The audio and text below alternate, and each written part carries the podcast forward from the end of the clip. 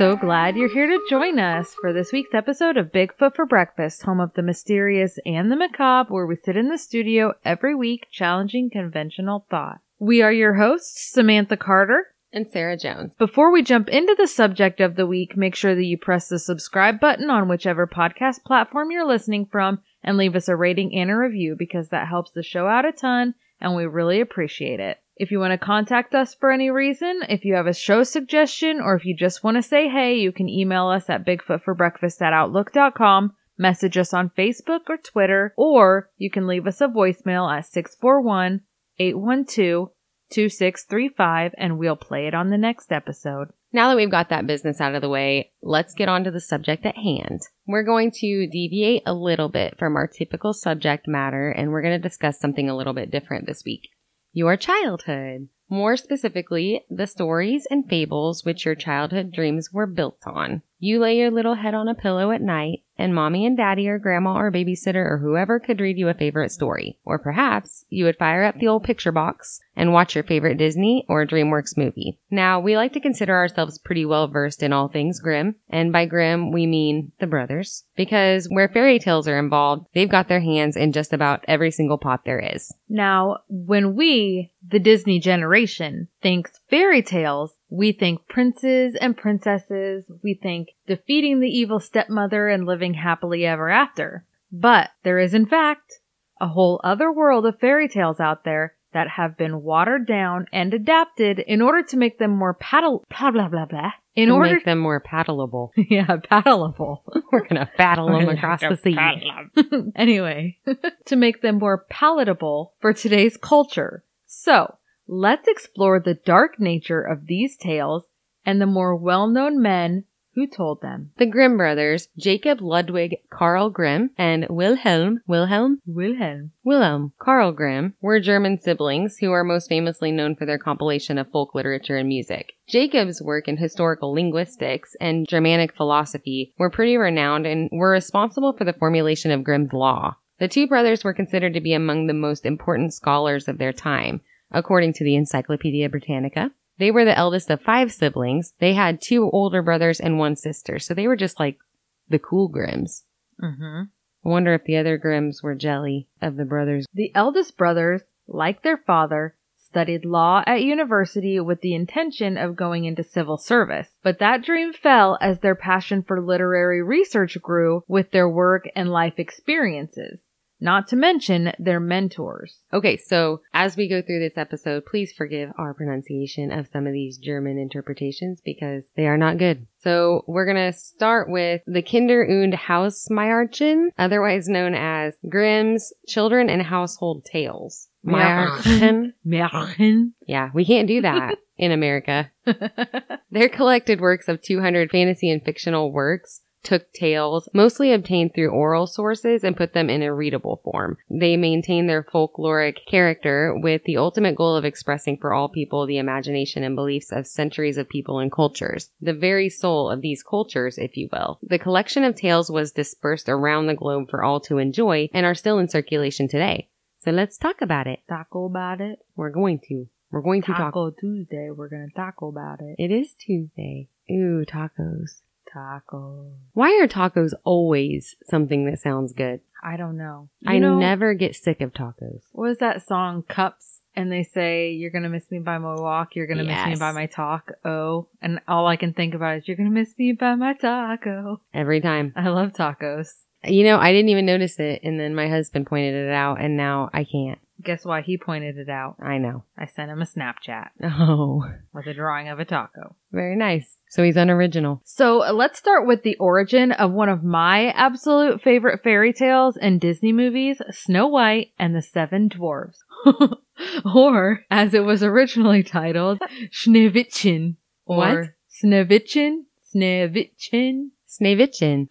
We're good. We're good at it. We're going to get the hang of it by the end of this episode and we're just going to be fluent in German. Right. So that is Little Snow White. For those unfamiliar with the original non Disney version of the tale, I'll give a brief synopsis.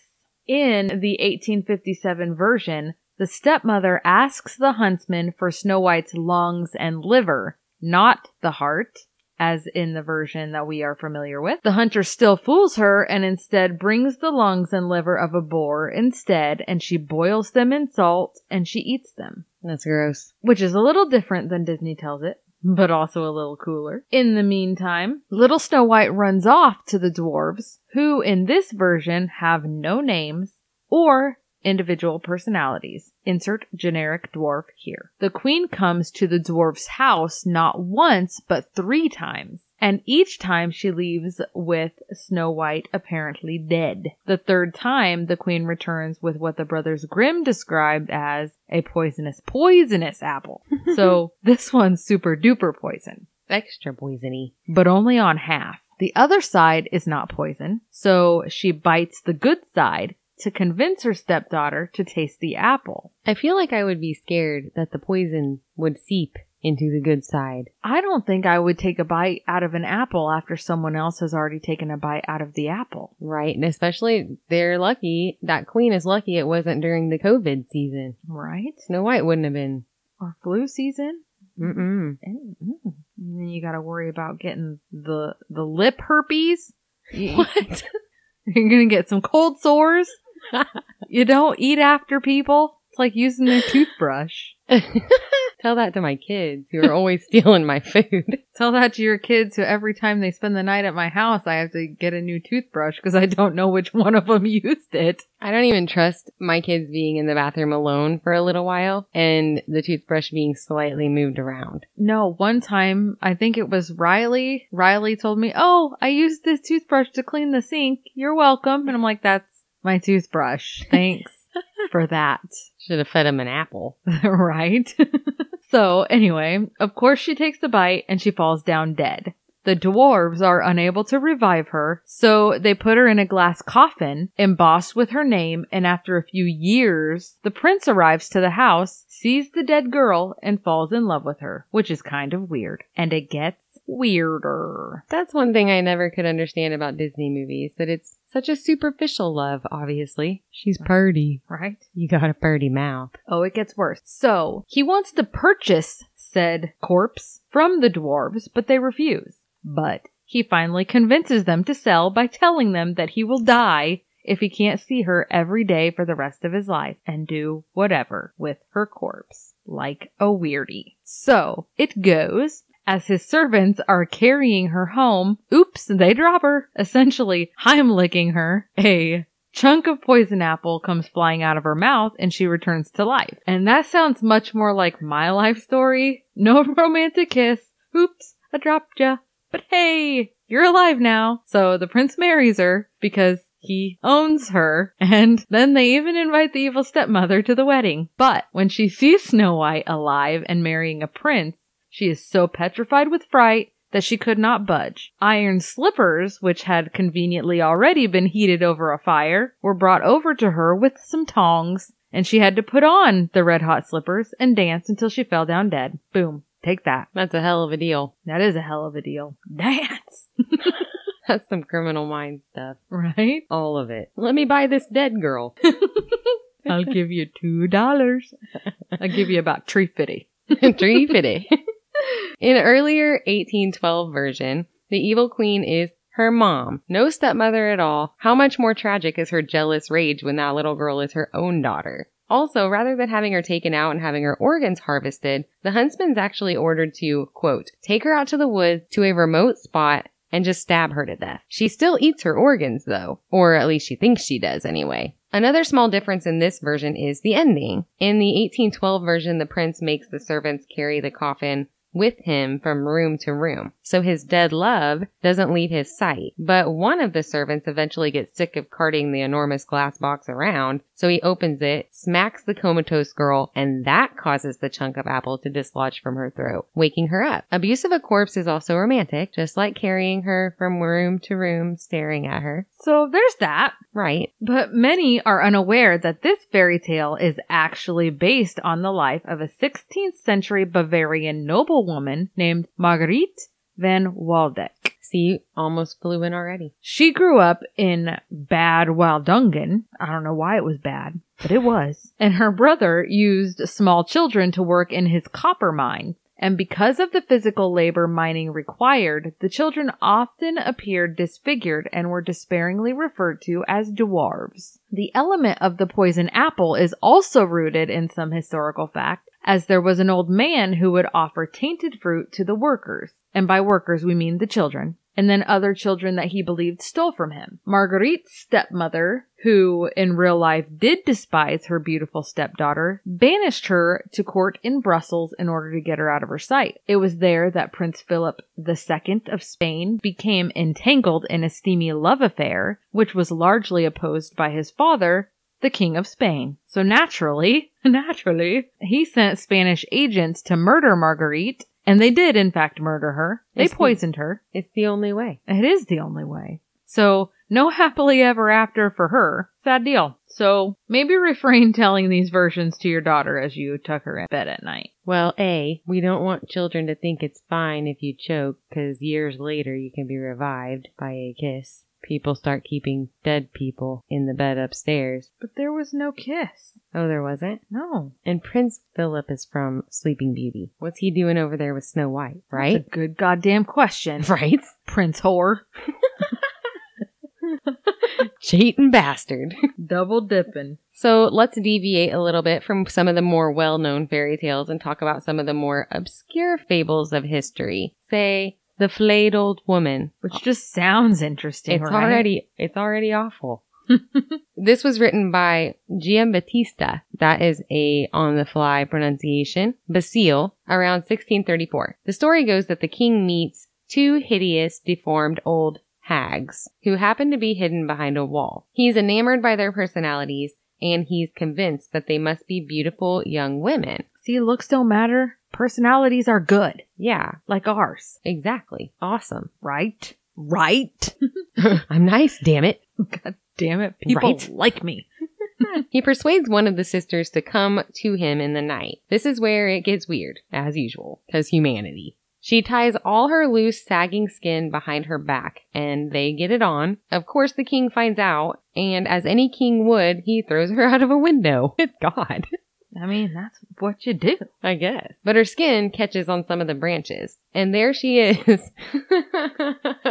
Sorry. Dangling in the trees when some passing fairies see her. Good thing. Passing fairies came by. They are so amused by the situation that they turn her into a beautiful young maiden that she pretended to be. The king marries her and they live happily ever after. So the king that threw her out the window, Yes. same king. And he Yes. just marries her then. Well, yeah, because now she's really pretty. No. What happened to the sister, you ask? Well, now the beautiful sister tells her that to achieve the same look, she must skin herself alive. So she goes ahead and does that, and she bleeds to death. But hey, at least one of them gets to live happily ever after, right? That's totally fairy tale criteria. Someone lives happily ever after, all good. All. Anyway, another super well known and popular Disney tale with dark origin is Sleeping Beauty. Originally appearing in Basile's Pentamerone in 1634, titled Sun, Moon, Talia, the sweet story that we know and love is pretty dark and tragic. So Talia, aka Sleeping Beauty,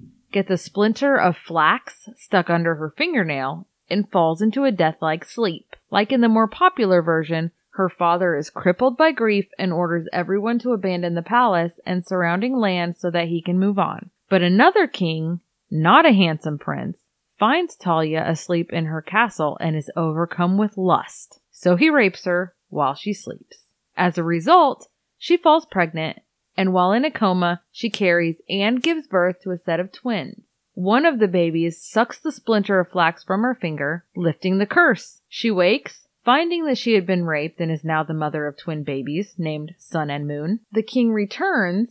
I wonder what he wants. But this time finds her awake and they fall in love. The king's wife finds out. Oh, there's a wife. There's a wife, and she decides that she wants to kill and eat the children. But the cook saves them and exposes the evil queen's plan, so they burned her alive. How quaint. Very sweet. For the life of me, I cannot figure out why they would change these stories. It has it all forbidden love, deception, a murder plot, and a happy ending. I don't get it. It's It- like either like an episode of Jerry Springer or Dateline or both things.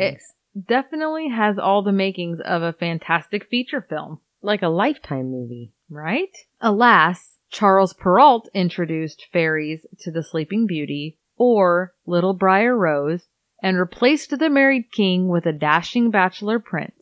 The prince's mother then assumed the role of the evil queen and threatened to eat the babies and attempted to throw their mother into a pit of vipers. Now we've got snakes! In a dramatic turn of events, the prince saves his wife and his mother falls to her death like an evil, villainous queen should. Mm-hmm. Preach!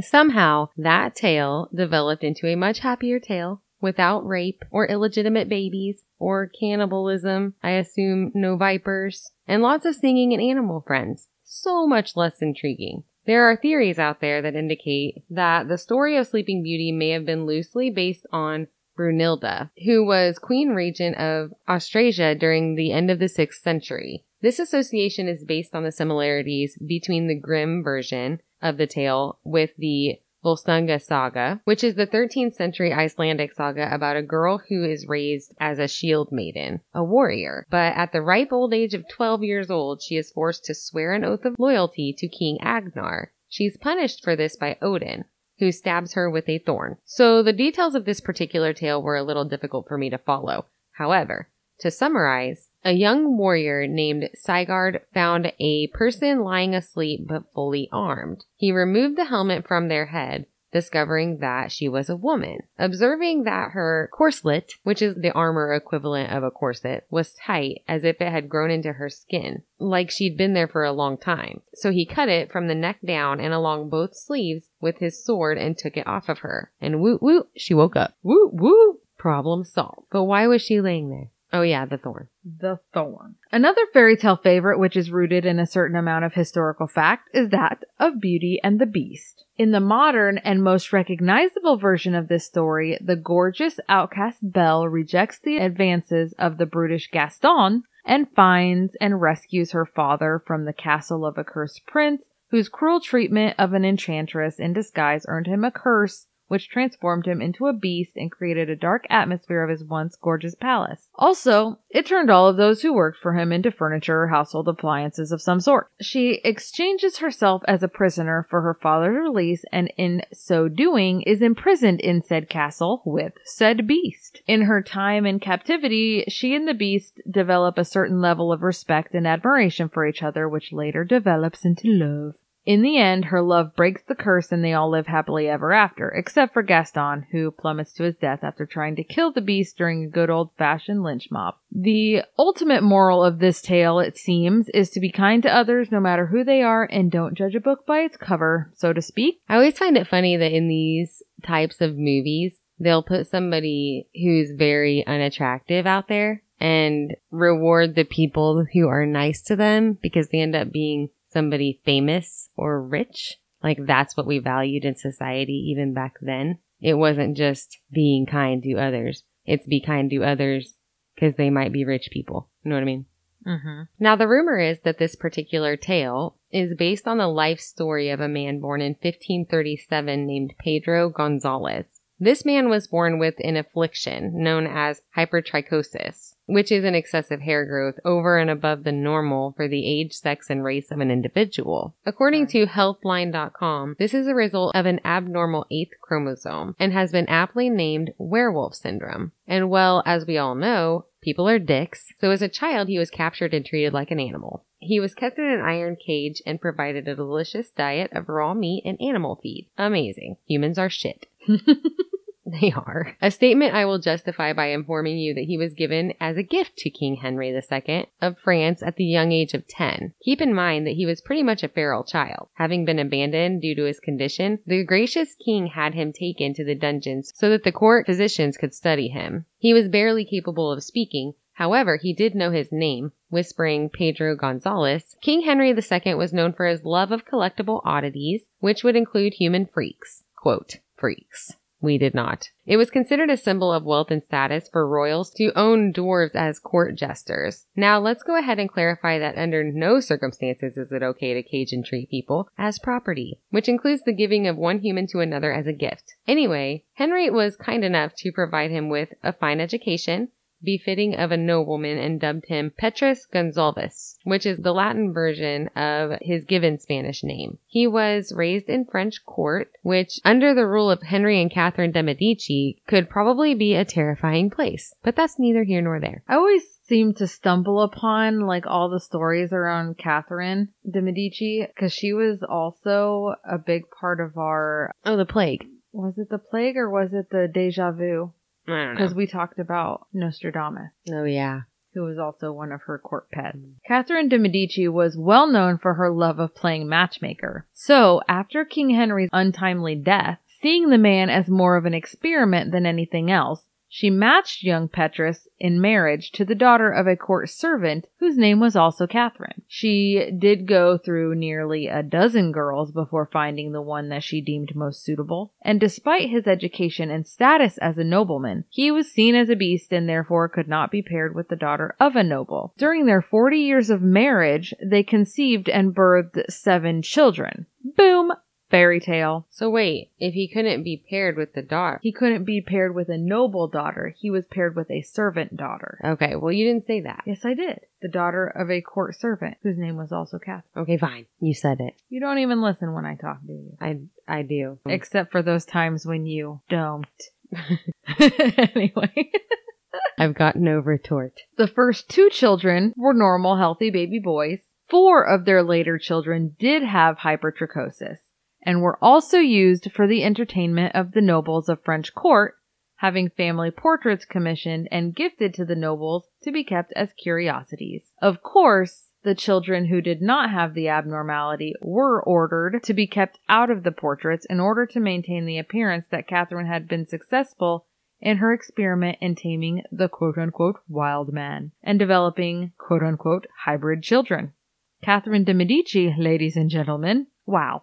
Just wow. Because their parents were seen as the property of the queen, the children were sold to other families of nobility. Sadly, it seemed that Petrus and his lovely wife, Catherine, were pretty much seen and used as breeders for making the novelty babies. As luck would have it, the children were actually treated pretty well in their homes that they were sold to. So it would seem. They too were given high quality educations and provided with adequate and healthy diets, the best of clothes, lovely, comfortable homes to live in, as well as access to the best doctors. So while they were wrongfully seen as property, like owning a novelty item, given the status of their birth and that their parents had no social standing to speak of, their lives were pretty luxurious compared to what might have been if their parents had been free. Of course, had their father not been claimed by Henry, he probably would have died young in a cage, being treated like an animal, never been married to their mother, and the children would never have existed at all. So there's that. There are some stunning portraits of some of the daughters in their fancy dresses and flowers in their hair on top of their heads for your viewing pleasure on the internet.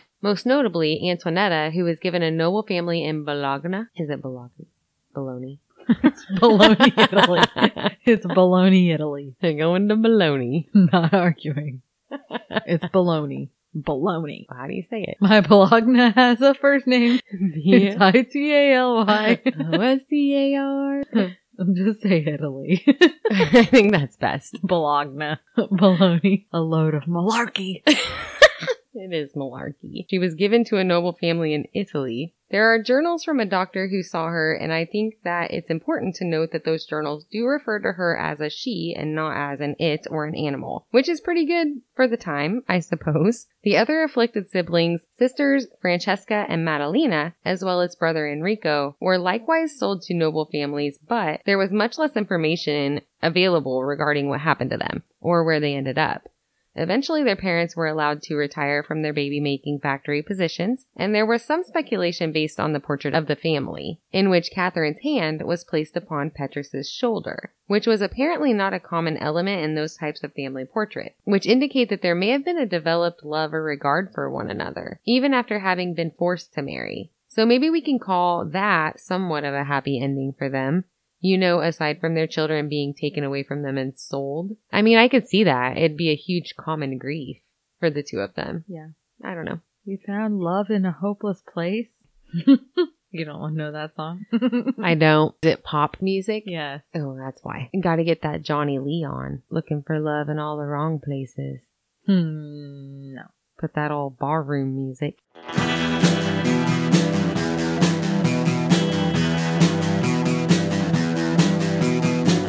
You're listening to the Prescribed Films Podcast Network, home to hundreds of hours of free podcast entertainment. The shows on this network all have a common goal providing you with the best discussions about movies and other forms of entertainment media.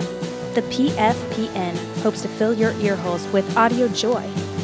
Visit our website with links to all the other amazing shows at www.thepfpn.com. Thanks for listening.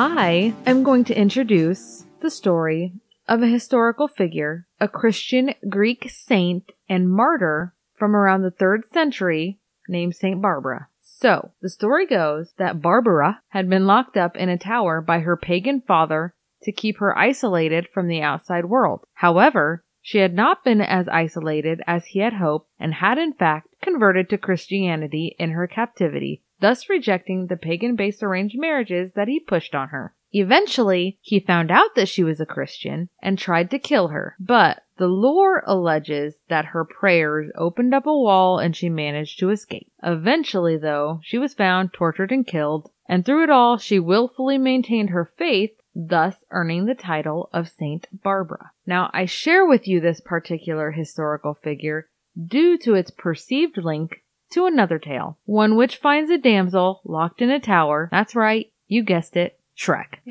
no, I'm kidding. It's Rapunzel. Shrek. Lord Farquaad came to pick her up. Do you think he's compensating for something? oh, do you know the Muffin Man? We're so funny. God, we're funny. I want to start with the earliest version of the story, which from what I could find is titled Petronella, which was written by Basile in 1335. So in this version, there's a pregnant woman. No father or man was mentioned. So the strong, independent single mother that she is, Yes, she is. she climbs into a forbidden garden, which belongs to an ogre. Damn it. Not a witch as in other versions, which kind of does link to Shrek a little, right? Ogres are like onions? You leave them out in the sun, they start sprouting little white heads. no. Ogres are not like cake. also, in this version, it is parsley that she is carving, not in fact the type of lettuce craving. Mm, she's Craving. not carving parsley. I was in my head. I was like, that would be difficult. Like, that's crazy. That's people- crazy. Why are people carving up Carving the parsley? parsley. I went with it though. I I, tried. need coffee and a nap. I tried to keep it smooth. you messed me all up. Okay. She wasn't carving the parsley. She was craving it. Because in the other versions, a type of lettuce called Rapunzel, but it was actually parsley. So, first of all, let's discuss the various types of greens and address why parsley is not high on the list of craveable ones. Or carvable ones. Because number one, it's freaking parsley. I It, love parsley though. it. It has no flavor. It does too. It does you put some parsley in onions with potatoes. Ugh. Mmm. Tell me I'm wrong. Boil them, mash them, stick them in a stew. With parsley. So anyway, back to the story. The ogre catches her and makes a deal with her, which is that she can have the greens if she gives the ogre her child. Then, for some outrageous reason, the woman agrees to surrender her child for parsley. For freaking parsley. I get it. I love parsley. so I'm sure you picked up on it at this point. Petronella, which is a play on the word for parsley in the Neapolitan dialect, Ha ha ha ha. The ogre doesn't claim the baby girl right away. In fact, it wasn't until she was seven years old that she was walking past the ogre's house and the ogre tells her to remind her mother of the promise. So she does. Terrified, the woman tells her daughter that her response is, quote, take her. And she did. I made the assumption that the ogre was a male. The ogre collected Petronella and hid her in a tower in the woods that had only one window for her to see the world, no door. So the more commonly known version by the Brothers Grimm, which was published in their Children's and Household Tales collection from 1812, has many similarities to the older Basile version. The major differences are that it is the woman's husband who sneaks into the garden and the garden belongs to a witch and not an ogre. And of course, there is a little matter of the Rapunzel lettuce versus the parsley, which also goes by the name corn salad, apparently, and is a leafy vegetable with a nutty flavor. Rapunzel? Lettuce? Yeah, I'd never heard of Rapunzel lettuce. Mm, I don't know. Which to me sounds much better than parsley. So let's get back to business here. In the Basile version, the prince finds her, he climbs up her hair, and they do the horizontal tango. So that's what it is. Petronella tells the prince to bring a rope with him when he comes back. Then she drugs the ogre, steals three magic acorns from her, and makes a break for it with the prince. When the ogre wakes up and chases them, she throws the acorns one by one. The first one turns into a fierce dog. The ogre stops it by throwing it a crust of bread. The next one turns into a lion, dressed as a donkey. Ah, I see. Ogres and donkeys. The ogre just charges it down. And finally, the last one turns into a wolf, which eats the ogre. The star-crossed lovers make a clean break and they get married, living happily ever after. As Wilhelm and Jacob tell it, the prince does find her and sees how the witch gets into the tower by climbing her hair. So he ascends the tower, professing his love for her and asking her to marry him, and she gets knocked up. Eventually, the witch finds out about her little romance, and in her anger, she snatches Rapunzel's hair up, wrapping the braids twice around her left hand, and snip snap, she crops the locks off with a pair of scissors. Then she sent poor Rapunzel into a desert to suffer alone for what she had done. She hangs the braids from the window for the prince to climb, and surprise, he found the witch, who told him he would never see Rapunzel again. She didn't kill him, but it sounds like her taunting was enough to prompt an attempt at suicide by leaping from the tower to no avail. He did live, but in his escape, he fell into a bush of thorns which poked his eyes out. So he's left to wander blind, alone through the woods, foraging for berries and lamenting the loss of his great love, who he met for five seconds. Or hopefully a little longer since, you know, she got knocked up. Years later, he does find her and their twin babies. They shared a loving embrace, and as she cried, her tears restored his sight. He took her and the babies to his castle, and they lived happily ever after. The end. Oh, that's that's okay. That's not that bad, right? I do feel like we should point out that it is somewhat problematic that the witch thought that having babies out of wedlock from premarital sex was far worse a crime than stealing someone's child for the price of some lettuce and then hiding her in the tower for her whole life. Yeah. I've done exactly one of those things, and I find the other to be off limits, especially if it were trading for parsley. Mm-hmm. There's always a lot of like morality issues from back then that I don't understand. I got questions. But you know, different times. Different Right? times we can't judge. No, we can. The next story doesn't really have much in the way of historical roots, but it can take you to some dark speculative places.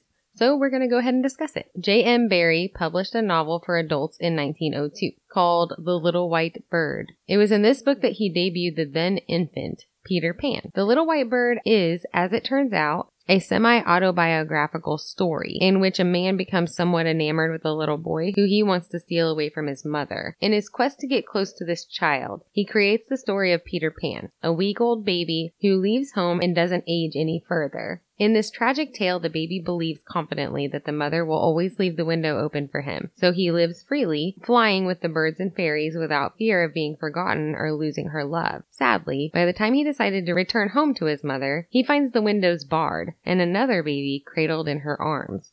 He's been replaced.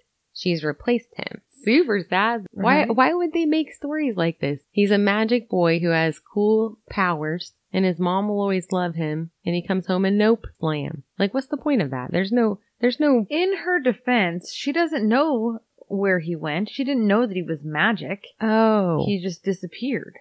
I misunderstood then. I think that's from what I gather. I assumed he she knew he was flying about. Didn't you ever see the beginning of Hook? And then she probably barred the windows so that people couldn't steal her baby. Mm-hmm. She probably thought it was Lindberghy. So the character Peter Pan was so loved that in 1904 Barrie introduced a play based on the character which was called The Boy Who Wouldn't Grow Up, which of course later in 1911 was adapted into a book. The real life basis of the story begins with Barrie at the age of 37 meeting a 5-year-old boy for whom he developed a great affection. This boy's name was George Davies. His four little brothers, John, Michael, Nicholas, and Peter, were later included in this questionably affectionate relationship. It had been widely speculated in the literary world whether or not Barrie's affection for the boys was entirely appropriate, a question to which there has never really been found a definitive answer. Regardless of having been twice married, Barrie never fathered any children of his own and has been described as having been asexual. Nicholas the youngest of the children spoke on his perception of the situation as an adult, stating, quote, I don't believe Uncle Jim ever experienced what one might call a stirring in the undergrowth for anyone, man, woman, adult, or child. He was an innocent. End quote. Don't call it an undergrowth. Mm-hmm. I'm gonna start using that. I'm having a stirring. I don't think you should. I'm having a stirring. You're going to avoid the word undergrowth. I can't say it. I'm not gonna give any sort of indication about that. Ugh. Ah. So anyway, after the death of their mother, Barrie became the guardian of the children, playing endless games around the lake, creating infinite elaborate sagas of pirates and Indians and fairies, which may have provided a small amount of joy in their very tragic lives. George died at the age of 21 as a soldier during World War I in 1915. Michael followed, passing just before his 21st birthday in 1921, believed to have been suicide by some, because he drowned. John died of lung disease in 1959 at age 65, and Peter committed suicide at the age of 63 in 1960. Nicholas died of natural causes at the ripe old age of 77 in the year 1980. The tale picks up where the little white bird leaves off.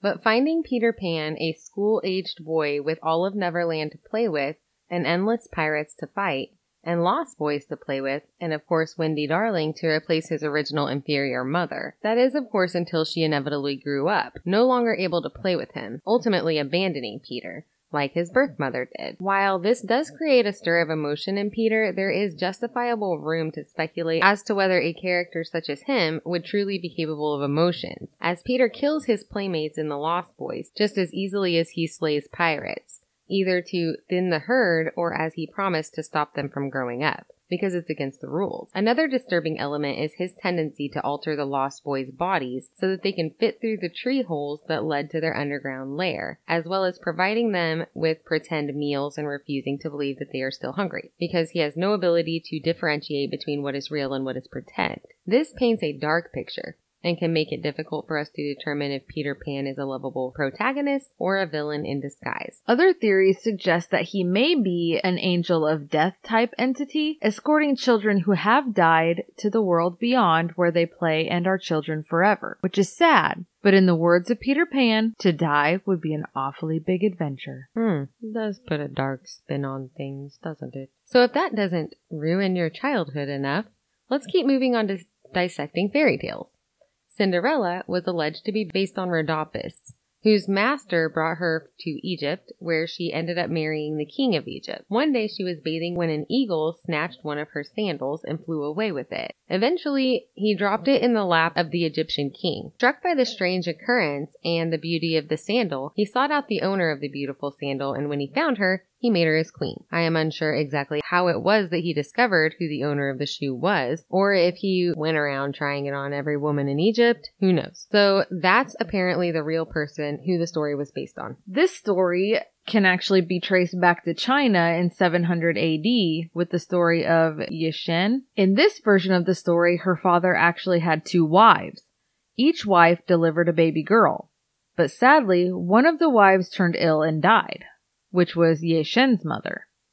Not long after that, her father also died, and poor Ye Shen was despised by her stepmother as she was far more beautiful than both her stepmother and stepsister. So, you know the story. She was jealous and cruel and abusive, even starving her like in the western version of the story. Also, like the Western Cinderella, her only friend was an animal, a goldfish with big, bright eyes. The stepmother gave Ye Shen almost no food, but she still always found some to share with her fish, causing it to grow to an enormous size. When her stepmother discovered the friendship between Ye Shen and the fish, she did the unthinkable. She killed the fish, cooked it, and served it for dinner. Ye Shen mourned the loss of her only friend and sat crying to him when an old man appeared out of nowhere and advised her to keep the fish's bones and speak to them when she needed help, and she did. So at this point, the bones take on the role of the fairy godmother, and when the festival came along, she asked the fish to help her, and it gave her a pair of fancy shoes, and of course she lost one after meeting the prince. She was looking for the shoe because the fish bones wouldn't talk to her anymore since she lost one of them. She was found by the guards, tried on the shoe, and married the prince. So this one isn't quite as morbid as a lot of other fairy tales, but cooking the fish was pretty harsh. The Basile version of the tale also has some morbid elements in which Disney and Mother Goose left out, like the part of the story where she snaps her stepmother's neck with the lid of a trunk, as instructed by her governess. But she was a cold-blooded killer nonetheless. Cinderella, serial killer. Of course, then the thought of a governess T H O T. Thought. A thought is an informal or derogatory term describing a woman who has many casual sexual relationships or encounters. I did not know that. I'm going to use it. People will be so confused. You thought? I thought what? right? That's what I would say. I thought I thought putty that. the thought of a governess marries Cinderella's dad and banishes Cinderella to the kitchen. On that note, let's hit another version, another of the lesser known Grimm Brothers tales that is definitely intended for mature audiences. There's one story called How Some Children Play at Slaughtering. Sounds awesome, right? There's actually two versions of this, and in one version, the butcher, who's a child, slits the throat of the pig, while the other child, playing the cook, collects the blood in a bowl. A councilman walking nearby sees the incident and takes the butcher to the mayor, who immediately calls a council to deal with the boy. The council can't agree on what to do with the boy, however, because the murder was part of a child's game, they decide to test the child by offering him a gold coin or a delicious apple. If the boy picks the apple, he would go free. If he picks the gold coin, he's to be killed. The boy laughs, grabs the apple, and the council lets him go without any punishment, and that's the end. The second version of the story is a little more gruesome. In this version, the child playing the butcher slits the throat of the pig, a role which happens to be played by his little brother. Ugh. Their mom sees this go down from the upstairs bathroom where she's bathing another child, and in a moment of temporary insanity and rage, she kills her murderous son. Afterward, she goes back up to the child she was bathing and finds that kid drowned in the tub. Overcome with grief, she hangs herself. Her husband comes home from working in the fields and discovers that his whole family is dead. He becomes depressed and dies not too long after. Happily ever after, the end. I did not manage to find that particular tale was rooted in any historical occurrence, much to my relief. There's another tale called The Dead Mother, which of course is a very common element in fairy tales. This is a story of Russian origin. For a quick summary of this story, there's a couple that is the envy of all the neighbors, and they have a child, but then the mother dies. The child is inconsolable, cries all the time. The father hires an old woman to help care for the baby, but she can do nothing to soothe it. However, there is a period through the night that the baby seems to feel content and sleep. One night, the old woman caring for the baby notices that it sounds like someone opened the door to the room, but the baby was silent and sleeping. One night she heard the same thing, and upon checking on the baby, they found that the dead mother of the child was standing over him, bent down as he nursed from her dead breast. She was wearing the exact clothing that she was buried in. She noticed them watching, stood up, said nothing, and walked out. The end. Not creepy at all. Hmm.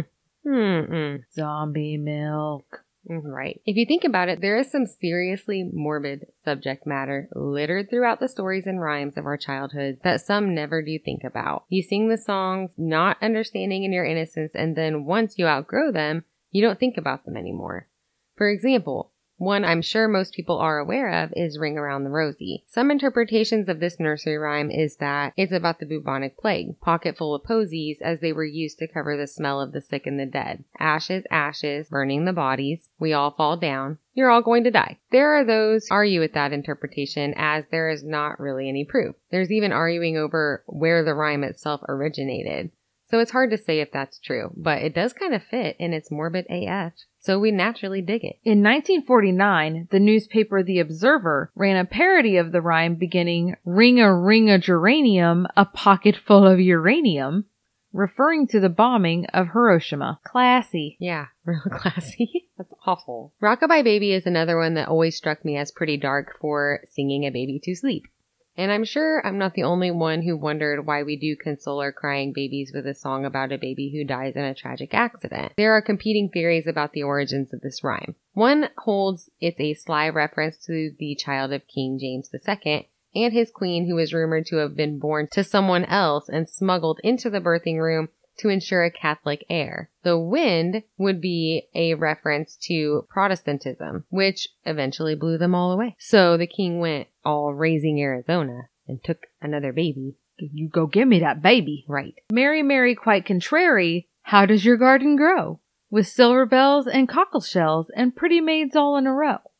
So, Bloody Mary was murderous enough to have been immortalized in several nursery rhymes. One theory is that this rhyme is about Queen Mary's favorite pastime, killing Protestants. The silver bells and cockle shells refer to instruments of torture, and the pretty maids would be that efficient new instrument for cutting off heads the guillotine. I mean, they did say she was contrary. Georgie Porgy Pudding and Pie kissed the girls and made them cry. When the boys came out to play, Georgie Porgy ran away. However, it seems that Georgie did not only kiss the girls. The theory here is that it is a rhyme about notorious 17th century Duke of Buckingham, George Villiers, who was a bisexual pretty boy and a social climber who indiscriminately used his good looks to sleep his way to the top with both male and female courtiers, including the king. Ladybug, ladybug, fly away home. Your house is on fire and your kids are all alone. Or your children are gone.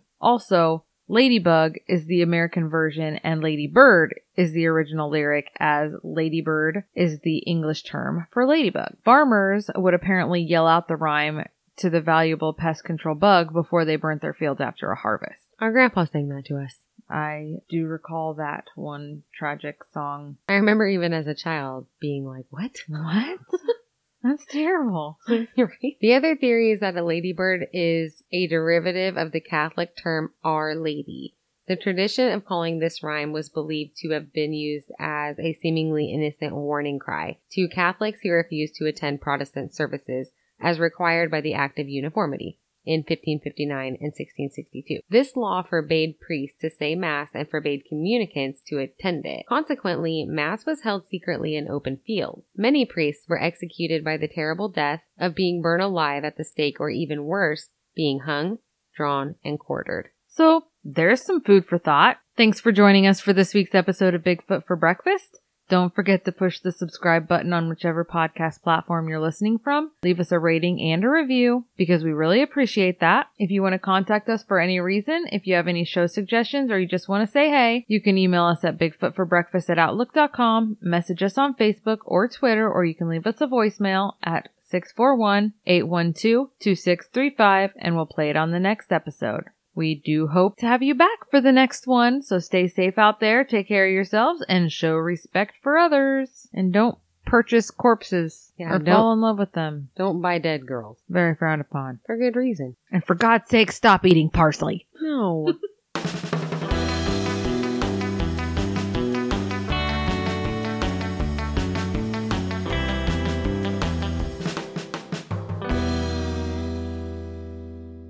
Come at me, bro.